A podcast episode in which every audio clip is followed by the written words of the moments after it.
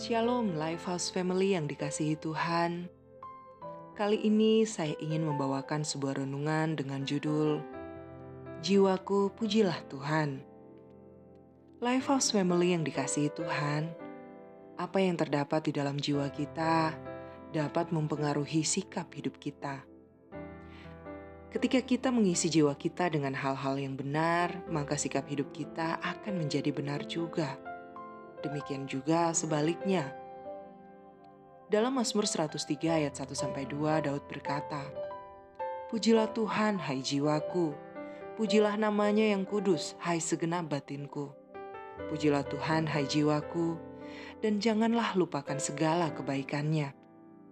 Ketika Daud memerintahkan jiwanya untuk memuji Tuhan dan mengingat segala kebaikan Tuhan, maka sama saja Daud sedang mengisi jiwanya dengan hal-hal yang benar. Ketika Daud mengisi jiwanya dengan hal-hal yang benar, maka sikap hidupnya akan menjadi benar juga, yaitu takut akan Tuhan.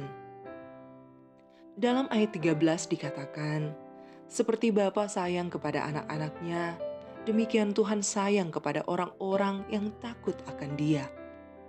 Lifehouse Family yang dikasihi Tuhan, Melalui renungan kali ini, saya ingin mengajak kita semua untuk mengisi jiwa kita dengan hal-hal yang benar. Bagaimana caranya? Daud katakan, "Pujilah Tuhan dan jangan lupakan segala kebaikan Tuhan." Jika hari ini kita sedang menghadapi situasi dan kondisi yang tidak menentu, tetaplah memuji Tuhan.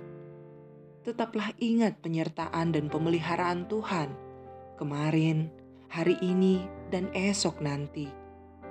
Dalam ayat 3 sampai 5 Daud katakan, Dia yang mengampuni segala kesalahanmu, yang menyembuhkan segala penyakitmu, Dia yang menebus hidupmu dari lubang kubur, yang memahkotai engkau dengan kasih setia dan rahmat.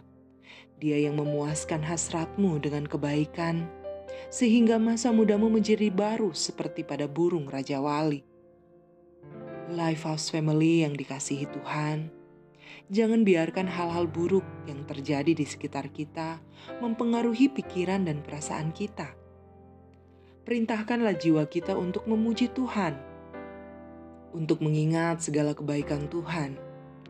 Percayalah, ketika kita memuji Tuhan dan mengingat segala kebaikan Tuhan, maka kita sedang mengisi jiwa kita dengan hal-hal yang benar Ketika kita mengisi jiwa kita dengan hal-hal yang benar, maka sikap kita akan benar juga, yaitu takut akan Tuhan. Lifehouse Family yang dikasihi Tuhan, percayalah kasih setia Tuhan senantiasa dinyatakan kepada orang yang takut akan Tuhan. Daud telah mengalaminya. Ia berkata dalam ayat 17 sampai 18, tetapi kasih setia Tuhan dari selama-lamanya sampai selama-lamanya atas orang-orang yang takut akan Dia, dan keadilannya bagi anak cucu, bagi orang-orang yang berpegang pada perjanjiannya, dan yang ingat untuk melakukan titahnya.